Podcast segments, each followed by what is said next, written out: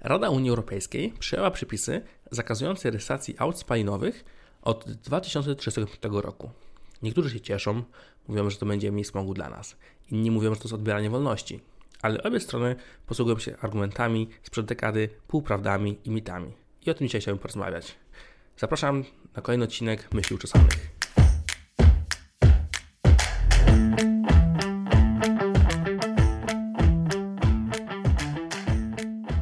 Na początku chciałem zacząć od ustalenia jednej rzeczy, która moim zdaniem góruje nad całą tą dyskusją. To znaczy, szacuje się, że zasoby ropy na świecie skończą się w 2060 roku. Jeśli będziemy zużywali ropę w takim tempie, jak robimy to teraz, za 40 lat się ona skończy. Do domu starców nie dojadę już autem z silnikiem diesla, bo nie będę miał czym go zalać. Dlatego mam wrażenie, że ten argument góruje nad całą tą dyskusją, ponieważ po prostu potrzebujemy alternatywy. Nie ma opcji, żebyśmy zostali długoterminowo przy autach spalinowych, potrzebujemy mieć coś innego, czym to zastąpimy, koniec, kropka. Teraz możemy dyskutować, czym to zastąpimy, w jaki sposób, kiedy i jak szybko. I teraz możemy przejść do całej reszty argumentów. Często kładzie się akcent na to, że auta elektryczne są bardziej ekologiczne. To jest to, o czym nam mówi Unia Europejska że musimy być bardziej eko, że te auta nie emitują spalin, że jest globalne ocieplenie. I to jest chyba taki pierwszy spory mit, który trzeba jakoś rozbroić. A żeby to zrobić, musimy go podzielić na cztery części. Pierwszym etapem, któremu trzeba się przyjrzeć, zanim jeszcze do auta wsiądziemy i zaczniemy emitować spaliny z niego, są materiały, z którego to auto tworzymy. W przypadku aut elektrycznych nacisk położymy na metale ziem rzadkich, które w tych autach się znajdują, które są potrzebne do wytworzenia baterii. W przypadku aut spalinowych potrzebujemy ropy. Potrzebujemy wydobyć, wykopać, wywiercić z ziemi, żeby te auta tą ropą napędzić. Nie chcę się jakoś szczególnie rozgadywać o metalach ziem rzadkich, bo planuję osobny odcinek na ten temat. To, co musimy wiedzieć, to że metale ziem rzadkich używamy w zasadzie wszędzie, zarówno w autach spalinowych, jak i w autach elektrycznych. W autach spalinowych zużywamy około 5-6 kg na auto, w autach elektrycznych około 10 do 12, więc dwa razy więcej. Wydobycie metali ziem rzadkich jest skomplikowane i szkodliwe dla środowiska. Głównie chodzi o to, że po wydobyciu już ich ziemi musimy je oczyścić. Po oczyszczeniu zostajemy z dużą ilością wody skażonej różnymi metalami ciężkimi. Jeżeli wydobywamy te metale w krajach, które są bardziej uregulowane, bardziej wyczulone na środowisko, no to ta woda jest oczyszczana i potem spuszczana do rzeki czy do jeziora, już jako bezpieczna, no i do skażenia może dojść w wypadku wycieku. Niestety, często wydobycie tych metali zostało wyeksportowane do krajów trzeciego świata. Tam taką skażoną wodę po oczyszczeniu po prostu się wylewa bezpośrednio do tych rzek, do jezior czy do oceanów, co zatruwa lokalne środowisko, co zatruwa lokalną społeczność, zboże czy ryż nie jest na tym terenie rosnąć, zwierzęta chorują, ludzie mają nowotwory. No więc tych metali, których potrzebujemy zarówno w autach spalinowych, ale jeszcze więcej w autach elektrycznych, ich wydobycie nie jest ekologiczne. Do aut spalinowych potrzebujemy jeszcze ropy. No i również o zanieczyszczeniach środowiska spowodowanych wydobywaniem ropy można by długo rozmawiać. Wystarczy chociażby wspomnieć o Zatoce Meksykańskiej, gdzie wycieki tej ropy doprowadziły do katastrof ekologicznych. Mamy w głowach obrazy martwych ryb, czy fok, czy ptaków sklejonych ropą naftową. Więc jak już ustaliliśmy, że potrzebujemy materiałów do produkcji auta i ich wydobycie jest nieekologiczne w żadnym z tych dwóch wypadków, no to możemy przejść do etapu produkcji auta. Jeśli mówimy o produkcji aut elektrycznych, no to trzeba zaznaczyć, że te auta są o wiele prostsze niż auta spalinowe. Jest tam o wiele mniej ruchomych części, wiele elementów, które znamy z aut spalinowych są po prostu niepotrzebne. Mimo to, według badań Uniwersytetu Kalifornijskiego z 2012 roku, produkcja auta elektrycznego wymaga więcej energii niż auta spalinowego, głównie poprzez produkcję baterii. Trzeba to jednak zaznaczyć, że jest to badanie sprzed ponad dekady, sprzed ponad 10 lat, a technologia produkcji baterii bardzo się rozwinęła przez ostatnią dekadę. Ich ceny spadły, ich czas produkcji spadł, ich pojemność wzrosła. Ich technologia produkcji baterii stała się o wiele bardziej wydajna. Więc potrzebujemy o wiele mniej energii, by wyprodukować baterie dzisiaj, niż potrzebowaliśmy lat temu 10. Do takiego porównania iPhone 5, czyli ten rok 2012 versus nowy iPhone 13, to pojemność baterii w tym nowym iPhone'ie jest prawie 2,5 razy większa. Jak ja sobie pomyślę o czasach mojego liceum, to tam gdzieś co druga, co trzecia osoba idąc do szkoły miała w plecaku powerbanka, żeby sobie telefon podładować. Teraz jest to już raczej rzadkość. Może tego powerbanka bierzemy, jak jedziemy pociągiem w jakąś dłuższą podróż. Jakby dekada, jeśli chodzi o technologię baterii, ta ostatnia dekada to był wielki, wielki przeskok. Dlatego często informacje czy dane, które są sprzed 10 czy sprzed 12 lat, są bardzo nieaktualne i nieadekwatne do obecnej sytuacji. Ale wciąż możemy przyjąć, że produkcja auta elektrycznego wymaga podobnej ilości albo może nawet więcej energii niż produkcja auta spalinowego. No i teraz w końcu możemy przejść do trzeciego etapu, do tego, który się najczęściej porusza, to znaczy emisja spalin. No, auto elektryczne tych spalin nie emituje w trakcie jeżdżenia, ale emituje w trakcie ładowania. No bo żeby naładować auto z gniazdka, to gdzieś tam energię musimy wyprodukować. Pół biedy, jak mamy energię z fotowoltaiki czy z wiatraków, ale w przypadku krajów jak RPA, Australia czy Polska, gdzie większość energii produkujemy za pomocą elektrowni węglowych, no to żeby to auto naładować, musimy wyemitować ileś gazów cieplarnianych do atmosfery. No i tak na przykład Tesla Model 3 ładowana w Kalifornii, żeby być autem mniej emitującym w trakcie swojego życia niż Toyota Corolla, musi przejechać 22 tysiące km. Jeśli byśmy tą Tesla ładowali w Norwegii, to już po 13 tysiącach km jest ona bardziej ekologiczna. Gdybyśmy jednak tą Tesla ładowali w Polsce, to musimy nią przejechać 125 tysięcy km i dopiero wtedy to auto będzie bardziej ekologiczne niż Toyota Corolla. Biorąc pod uwagę, że średnia ilość przejechanych kilometrów przez nowe auto w Polsce to około 200-300 tysięcy, zanim je sprzedamy, no to wciąż to auto jest bardziej ekologiczne. No i po czwarte, to jest utylizacja. Co się dzieje z tymi autami po tym, jak już skończymy nimi jeździć. To też jest taki dość popularny argument rzucany przez przeciwników aut elektrycznych, że po tym jak się skończy nimi jeździć, no to nie ma co z nimi zrobić, że tych baterii się nie da utylizować, że po prostu tylko stoją na złomowiskach i zanieczyszczają środowisko. No, najprostszą odpowiedzią jest to, że istnieje recykling tych baterii, gdzie po prostu odzyskujemy z nich te metale ziemszarskie, które są nam potrzebne, no ponieważ ich brakuje, są drogie, więc się to opłaca. Innym stosowanym rozwiązaniem są magazyny energii, to znaczy baterie, które straciły trochę na swojej pojemności po tam kilku latach jeżdżenia w tym samochodzie, się z tego auta wymontowywuje, ładuje się je do magazynu. Mamy taki wielki magazyn pełen baterii, który możemy tą prądem ładować, czyli kiedy w nocy na przykład prąd jest tani, cały ten magazyn ładujemy i potem w ciągu dnia o godzinie 17, kiedy prąd jest drogi, bo ludzie go dużo używają, gotują obiady, wracają z pracy, wtedy ten prąd sprzedajemy na rynku i w ten sposób zarabiamy. No i jeśli chodzi o składowanie czy wyrzucanie baterii, czy, czy tych aut elektrycznych, no w tym wypadku kończy się to jak zawsze. Pojawiają się regulacje, które mówią, że nie możemy tego robić, nie możemy tak aut składować w Unii Europejskiej, w Stanach czy w Japonii. Więc w takim wypadku może stać się z nimi to, co dzieje się z starymi ciuchami, czy śmieciami, czy wszystkim, czego nie chcemy składować w Europie, będziemy to wysyłać do krajów trzeciego świata, do Afryki, do krajów Azji. Schemat nam bardzo dobrze znany, bardzo często przez kraje rozwinięte stosowany. Więc istnieją sposoby na recykling baterii, na recykling elektrycznych. Nie trzeba ich wszystkich wysyłać do tej Afryki, więc też chyba nie ma co tak tego recyklingu demonizować. A co do recyklingu aut spalinowych, który może nie tyle jest łatwiejszy, co po prostu jest bardziej już stworzony system do tego. Różne kraje mają swoje własne systemy, ale taką ciekawostką jest, że na przykład Belgia żadnego systemu nie ma.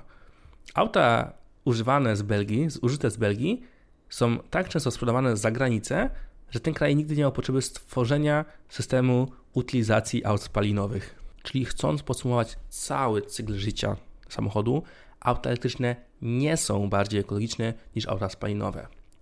Raport francuskiej Agencji Ochrony Środowiska i Zarządzania Energią z roku 2016 mówi, że cykl energochłonności aut elektrycznych jest w sumie podobny do tego jak samochodów z silnikiem diesla, a wpływ na środowisko aut elektrycznych również jest podobny do tego, jaki wpływ na środowisko mają auta z silnikami spalinowymi. Trochę mi zajęło mówienie tego, ale chciałem bardzo podkreślić, że to, na co się kładzie największy nacisk, na ekologiczność tych aut, no w dużym stopniu jest mitem. Jednocześnie przerzucanie tego za bardzo w drugą stronę i mówienie, że te auta elektryczne naprawdę są bardziej szkodliwe niż auta spalinowe, również jest nieprawdą. Po prostu produkcja auta, nieważne czy spalinowego, czy elektrycznego, szkodzi środowisku w podobnym stopniu. Można się tego było chyba spodziewać, jeśli chcemy być ekologiczni i zeroemisyjni i nie mieć śladu węglowego, no to pozostaje nam chodzenie na piechotę, jeżdżenie konno albo jeżdżenie na deskorolce. Jak udało się nam już rozwiązać wątpliwości związane z ekologicznością aut elektrycznych, no to powstaje jeszcze kilka innych mitów, kilka innych argumentów, które chciałbym przytoczyć. Bardzo częstym argumentem podawanym jest to, że auta elektryczne mają ograniczony zasięg. I to jest prawda. Auta te często mają zasięg mniejszy niż auta spalinowe. Obecnie większość producentów chwali się w nowych modelach zasięgami gdzieś mniej więcej od 400 do 600 km na pełnym ładowaniu. Zależy to od modelu auta, od tego jak jedziemy, jak dynamicznie jedziemy, czy mamy klimatyzację, jaka jest temperatura na zewnątrz. Te realne zasięgi są z reguły trochę mniejsze, więc tak możemy założyć około 350 do 550 km na pełnym ładowaniu. I tak jest to zdecydowanie mniej niż auta spalinowe, gdzie pewnie można przejechać i 1000 km na jednym tankowaniu. Jak już wspomniałem wcześniej, technologia baterii rozwija się bardzo szybko i tak jak myślimy o autach elektrycznych z roku 2010 czy 2012, sprzed tych 10 czy 15 lat, no to one miały zasięgi na poziomie bardziej 100 do 150 km, więc ten przeskok jest naprawdę wielki. Można więc dość bezpiecznie założyć, że do tego roku 2035 auta elektryczne będą miały podobne zasięgi co auta spalinowe. Często spotykałem się z takim narzekaniem ludzi, że jak ja mam takim autem dojechać na przykład do Włoch na wakacje, gdzie mam do przejechania 1500 km. Ja wtedy z reguły odpowiadam, że na przykład kierowcy tirów po 4,5 godzinnej jeździe mają obowiązkową 45-minutową przerwę. Jeśli ktoś lubi jeździć 1500 km bez przerwy, no to nie jest to szczególnie odpowiedzialne, ponieważ nasze skupienie, nasza uwaga na drodze mocno spada po tak długim okresie jazdy. Ale w momencie, kiedy mamy dwóch kierowców, którzy mogą się szybko zamienić, to tak, auto spalinowe będzie do takiej trasy lepsze. Kolejnym trafnym argumentem są problemy z ładowaniem aut elektrycznych. To znaczy, po pierwsze, szczególnie w Polsce, ładowarek brakuje. I to jest stuprocentowa prawda, jest ich za mało, a jak już są, to są skupione głównie w dużych miastach, o wiele gorzej jest na prowincji. Często kończy się tym, że jadąc autem elektrycznym skupiamy się na tym, żeby znaleźć ładowarkę, punkt ładowania. Często musimy zjechać z trasy, by ją znaleźć. Takim małym pocieszeniem jest to, że pieniądze z KPO, które może jako Polska dostaniemy w końcu, y, duża część z nich jest właśnie przeznaczona na rozwój infrastruktury dla aut elektrycznych. I to jest znowu taki argument, który mówi, że w tej chwili auta elektryczne przegrywają z autami spalinowymi w tym kontekście, no bo tego Orlena z dobrą kawą, z hotdogiem i 10 czy 20 stanowiskami do zatankowania auta mamy w zasadzie co 30-40 km na każdej drodze w Polsce.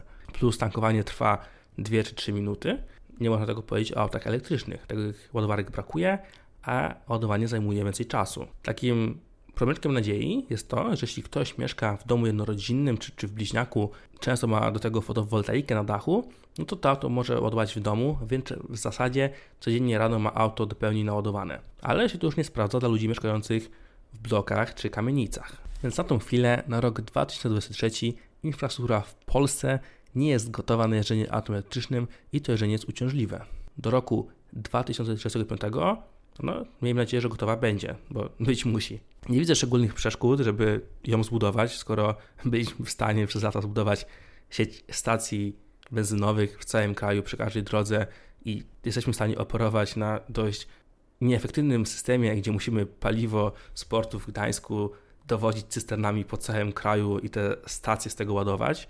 Podłączenie ładowarek do sieci elektrycznej powinno być o wiele łatwiejsze i prostsze. Więc jest to problem na teraz, który w przyszłości prawdopodobnie zniknie. Reszta często pojawiających się argumentów przeciwko autom elektrycznym dotyczy baterii. Jak już ustaliliśmy, baterie litowo-jonowe, które stosujemy wszędzie w autach, komputerach i telefonach, są szkodliwe dla środowiska. Eksperymentuje się z tworzeniem baterii litowo-żelowych, które nie zawierają kobaltu oraz niklu. Tesla nawet już się montuje w swoich samochodach. Inną rozwijaną technologią są baterie sodowo-jonowe, które nie zawierają litu, który jest drogi, szkodliwy, ciężki w wydobyciu. A biorąc pod uwagę to, jak ta technologia się szybko rozwija, technologia baterii w ogóle, prawdopodobnie doczekamy się baterii, które będą bardziej przyjazne, choć teraz są szkodliwe. Kolejnym argumentem, który jest często przytaczany, jest to, że te baterie są drogie i nietrwałe. Ich cena spada, były one bardzo drogie na przykład w 2000 czy w roku 2010, ale czym więcej ich produkujemy, czym dłużej je produkujemy, tym mamy lepsze technologie, tym jesteśmy w stanie to robić szybciej, taniej, bardziej wydajnie co powoduje m.in., że ceny aut elektrycznych spadają w porównaniu do cen sprzed 10 czy 15 lat. Jeśli chodzi o wytrzymałość baterii, to również jest o wiele lepiej niż było kiedyś. To jest ten sam kazus, gdzie często ludzie posługują się informacją sprzed lat 10 czy 15. Teraz w najnowszych modelach aut elektrycznych po przejechaniu 200 250 tysięcy kilometrów pojemność baterii spada o około 8-9%. Nie to jak kiedyś o 30-40%. A jeszcze wracając do ceny aut, nie ma co ukrywać, auta elektryczne są droższe od aut spalinowych. Choć takim dziwnym zabiegiem, kiedy próbujemy te auta porównywać, jest to, że często ludzie biorą auto elektryczne i porównują go do najtańszej wersji jego odpowiednika auta spalinowego. No, patrząc na osiągi aut elektrycznych, na ich przyspieszenie, ich prędkość, e, wygody ich prowadzenia, ich wyposażenie, które z reguły mają, powinniśmy je z reguły porównywać do modeli aut spalinowych z najlepszą wersją silnikową. Ale mimo tego, że ceny aut elektrycznych od lat spadają, wciąż są one wyższe niż aut spalinowych. Nie mówiąc o takiej sytuacji, jaką mamy w Polsce, gdzie większość ludzi kupuje auta używane. Ciężko skupić auto elektryczne używane, gdzie jest to nowa technologia, plus te starsze modele, czyli to, co byśmy kupić teraz, 10-letnie czy 8-letnie auto elektryczne, te pierwsze modele miały właśnie problemy ze spadkami pojemności baterii. Takim ostatnim już mitem, o którym chciałem pomówić, są pożary aut elektrycznych. Auta elektryczne, ponieważ mają w sobie wiele tych baterii, może dojść do wielu małych, niezależnych pożarów. Jak bateria się rozszczelni, jak jest uszkodzona, jak jej temperatura wzrasta, może dojść do zapłonu. Nawet jak ją ugasimy, to za kilka minut albo za dwie godziny może zapłonąć inna bateria. Niebezpieczne, co nie? No, jednak statystycznie na 100 tysięcy aut elektrycznych spala się 25. Jeśli weźmiemy auta spalinowe, na 100 tysięcy dochodzi do pożarów ponad 1500. Auta elektryczne płoną ponad 60 razy rzadziej niż auta spalinowe. Oczywiście jest to bardziej medialne, więc częściej media o tym mówią i wcześniej widzimy nagłówki, że kolejne auto elektryczne się spaliło. Ale czy jest je trudniej ugasić? No, według rzecznika Polskiej Straży Pożarnej nie jest jakieś wyjątkowe wyzwanie dla nich i są na to przygotowani. Różnica jest taka, znaczy też się gasi wodą, tak samo jak auta spalinowe. Różnica jest taka, że trzeba tej wody zużyć więcej, a potem po gaszeniu trzeba to auto monitorować. Czyli możemy to auto po gaszeniu podnieść i zanurzyć w wielkim kontenerze z wodą, wtedy nawet jak dojdzie do zapłonięcia innego ogniwa, no to się nic nie stanie, bo jest to auto zanurzone w wodzie. Lub inna sytuacja, może mieć kamerę termowizyjną, w którą są strażacy wyposażani i taki strażak przez tą kamerę po prostu patrzy na to auto no i sprawdza, czy przez kolejne 2-3 godziny w jakimś innym miejscu samochodu nie rośnie temperatura, która mogłaby powodować, że kolejna bateria się zapali. Z takich innych zabezpieczeń to niektóre modele mają specjalne wlewy, przyłącza na wąż strażacki, gdzie po prostu strażacy mogą w momencie, widząc takie auto, które się pali, piąć tam wąż i zalać wszystkie baterie wodą, żeby je szybko ugasić. Również eksperymentuje się z bateriami, które mają mieć zabezpieczenia przeciw zapłonowi już wbudowane. To znaczy, bo teraz w pojemniku i w momencie, kiedy ona się rozszczelni, kiedy jest uszkodzona i dochodzi do wzrostu jej temperatury, z tego pojemnika po prostu uwalnia się piana gaśnicza, która tą baterię opatula, odcina dopływ powietrza, chłodzi ją, nie pozwala jej się zapalić. Więc jeśli będziecie teraz jechali na święta i zobaczycie na drodze auto elektryczne, albo przy stole świątecznym jakiś wujek powie, że ta Unia Europejska jest bardzo zła, bo mu zakazuje jeździć jego ukochanym Passatem w dieslu, znaczy zakaże mu za 12 lat. Chciałem, żebyście z tego odcinka wyciągnęli kilka najważniejszych rzeczy. Po pierwsze, ropa naftowa się nam za 40 lat skończy, więc trzeba się na coś innego niż auta spalinowe przerzucić. Po drugie, auta elektryczne nie są bardziej ekologiczne niż auta spalinowe. Po trzecie, na dzień dzisiejszy mają gorsze zasięgi i nie mamy gotowej infrastruktury dla tych aut, ale do roku 2035 powinno się to zmienić.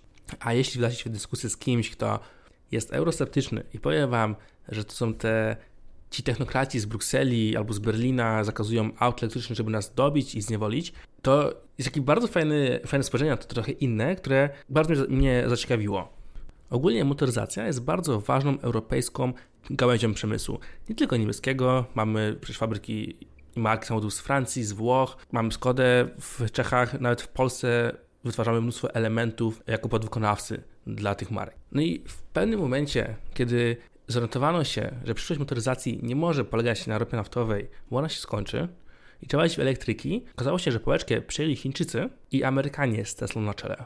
Więc jak europejskie marki mogłyby zacząć produkować auta elektryczne, przerzucić siły produkcyjne, przerobić fabryki z tworzenia kolejnego auta ze skrzynią biegów na auto elektryczne, przerzucić siły inżynierów na projektowanie trochę czegoś innego, Jak mogłyby to zrobić, skoro ich klienci oczekują nich aut spalinowych? Gdyby Mercedes wyszedł, sam się powiedział, kończymy z autami spalinowymi, nie będziemy pracowali nad kolejną klasą C, tylko robimy elektryka, w roku 2012 powiedzmy, no to ich klienci, ich fani by ich po prostu rozszarpali. Jednak kiedy taką decyzję podejmuje Unia Europejska na wysokim szczeblu i legitymizuje to prawnie, no to wtedy nie ma wyjścia. Mamy usprawiedliwienie, mamy powód i rzucamy wszystko na auta elektryczne. To jest to po prostu koło ratunkowe rzucone dla wszystkich tych marek, które w chwili obecnej musiały dzielić swoje zasoby, żeby wciąż produkować auta spalinowe i drugą ręką rozwijać auta elektryczne. Dzięki takiemu przepisowi mają usprawiedliwienie i możliwość, by większość, by w końcu całość swoich sił produkcyjnych przerzucić na auta elektryczne.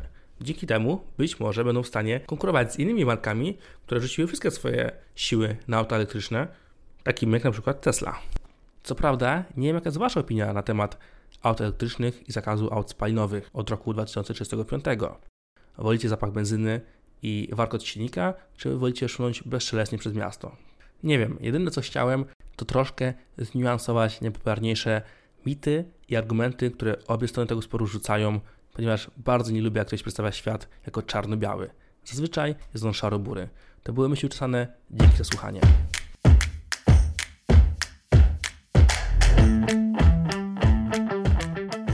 Jeśli podobał Ci ten odcinek, to wpadnij na Instagrama, na TikToka albo zostaw ocenę na Spotify. A następnym razem porozmawiamy o lotach na Księżyc. Dzięki.